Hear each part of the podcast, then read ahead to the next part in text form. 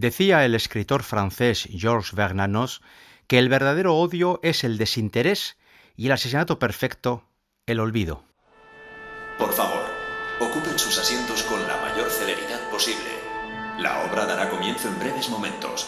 Le rogamos que apaguen sus teléfonos móviles. En esas estaba en 1957 Ana Bolena, una de las óperas de Gaetano Donizetti dedicada a la monarquía británica, entre el desinterés y el olvido. De hecho, a pesar de haber compuesto unos 60 títulos, apenas se representaban media docena, y una de las muchas arrinconadas por los aficionados era la dedicada a la desdichada reina de Inglaterra.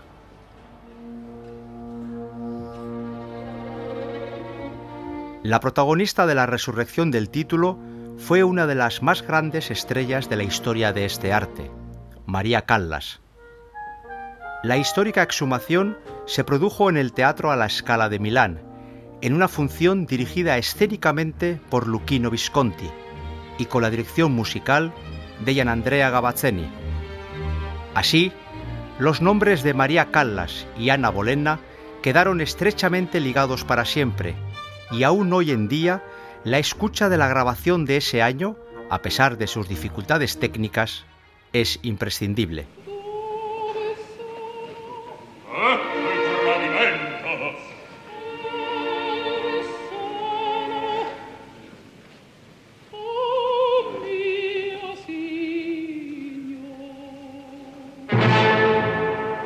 Anna y María. María y Anna, dos mujeres que, cada una en su tiempo, tuvo una vida de esplendor a la que siguió un descenso a los infiernos que terminó de forma trágica. Y cuando aún hoy en día uno escucha esta ópera, el nombre de María Calas se nos aparece en la mente de forma inevitable. Ópera Prima, capítulo 4. Dos vidas paralelas. La BAO ofrece en su programación de este año la ópera Anna Bolena de Gaetano Donizetti, genial compositor lombardo que, como gran parte de la Italia del siglo XIX, nació bajo regencia napoleónica y murió dentro del imperio austríaco. Tercer hijo de una familia muy pobre y sin ninguna tradición musical, Donizetti llegó a convertirse en un exitoso compositor que abarcó obras de muchos géneros, entre ellos 75 óperas, entre las que se encuentra Anna Bolena.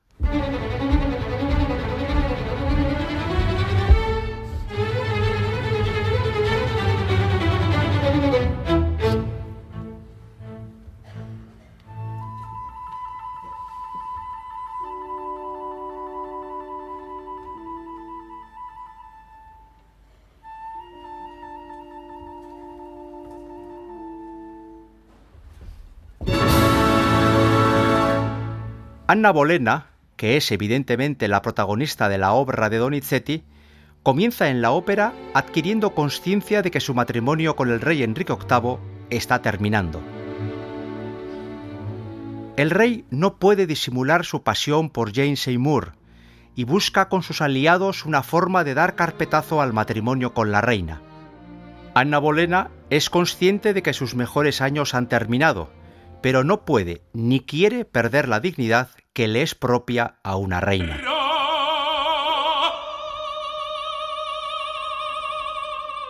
María Calas, aún en 1957, es la reina del escenario.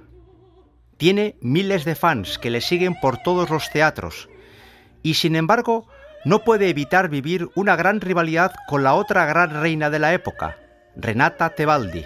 Los hijos de la Calas la defienden a capa y espada apelando a su teatralidad, versatilidad y capacidad dramática. Los de la Tebaldi apuestan por su estilo, legato y potencia vocal. Son dos mundos literalmente irreconciliables. Pero como le pasó a la reina de Inglaterra siglos atrás, llegará un momento en el que Calas irá adquiriendo conciencia de su pronto declinar y es que escuchen cómo se las gastaba la Tebaldi.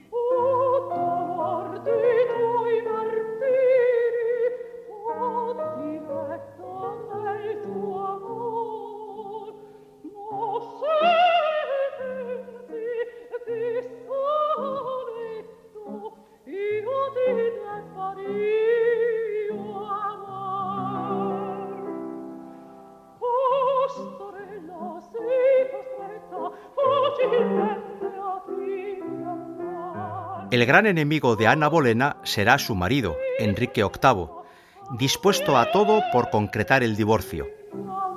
No olvidemos que Enrique VIII llegará a romper con Roma y el Papa para poder divorciarse de Catalina de Aragón y casarse con la misma Ana, a la que años después ordenará decapitar por traición y adulterio. Para la reina, su marido será primero un motivo de felicidad, pero la terminará conduciendo a la desesperación más absoluta y a la misma muerte.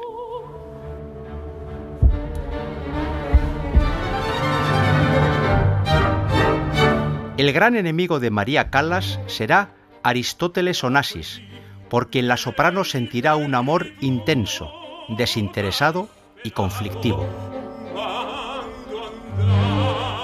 Su unión será en 1959, apenas dos años después de desempolvar Ana Bolena, y ya nada será igual para nuestra protagonista. Con Onassis, la Callas conocerá una vida de dispendio, lujo y excesos que le afectarán de forma determinante a su carrera como artista.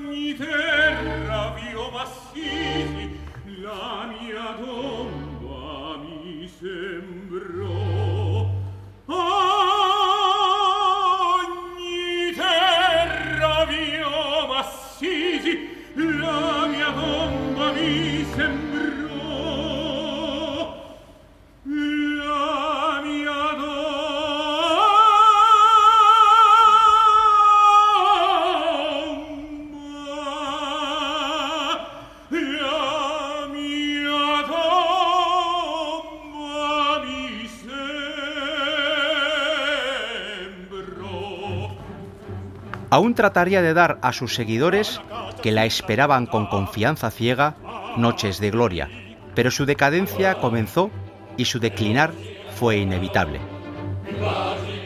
Y Onassis, el mismo que provocó el fin del primer matrimonio de Callas, acabará dejando de forma sorprendente a la cantante, iniciando una relación famosa con Jacqueline Kennedy, a la sazón viuda del presidente de los Estados Unidos de América, John Fitzgerald Kennedy. Anna Bolena sabía que tanto las acusaciones como el juicio mismo eran simple juego para justificar y facilitar el nuevo matrimonio del rey. Sin embargo, Anna mantuvo su prestigio personal y su dignidad a salvo. Y se dice que estando ya presente en el cadalso, mantuvo su cuello firme mientras esperaba la caída de la espada con la que fue decapitada. Anna Bolena afrontó sus últimos días cargada de dignidad, y esa dignidad quedó retratada en la voz de la griega de forma magistral.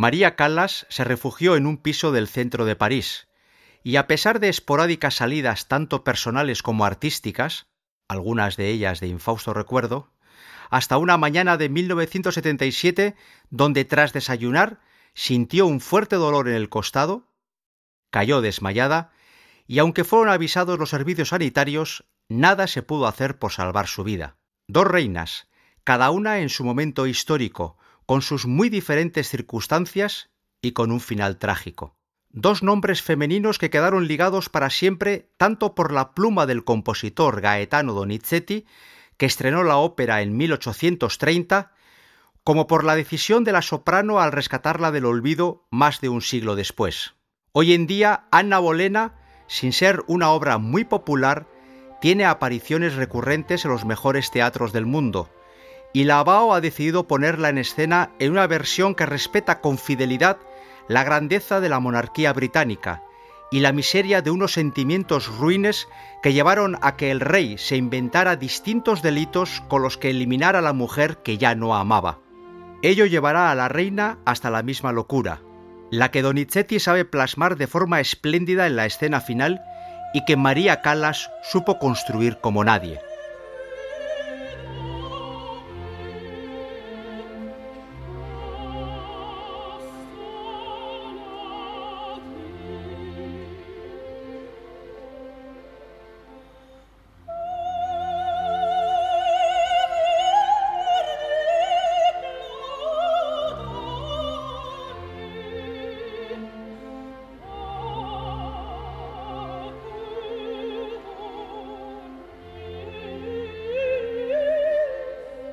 Anna y María, María y Anna, dos reinas que si nos permite la licencia artística, y a pesar de las diferencias temporales, llevaron vidas paralelas que hoy hemos querido traer de nuevo a la memoria gracias a la obra Anna Bolenna, programada por Lavao. Y es que ya lo decía el poeta Palo Neruda, es tan corto el amor y tan largo el olvido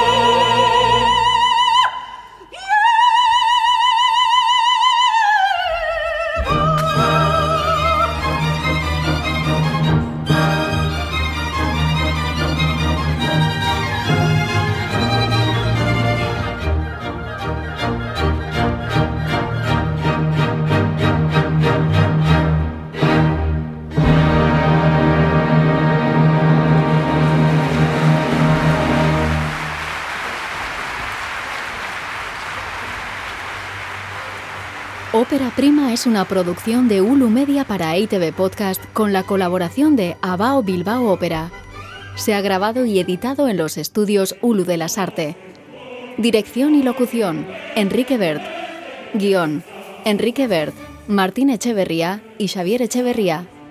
Diseño sonoro: John García y Oyer Aranzabal. Suscríbete y escucha Ópera Prima en ITV Podcast o donde quiera que escuches los audios. Entzun hori. Ulu Media.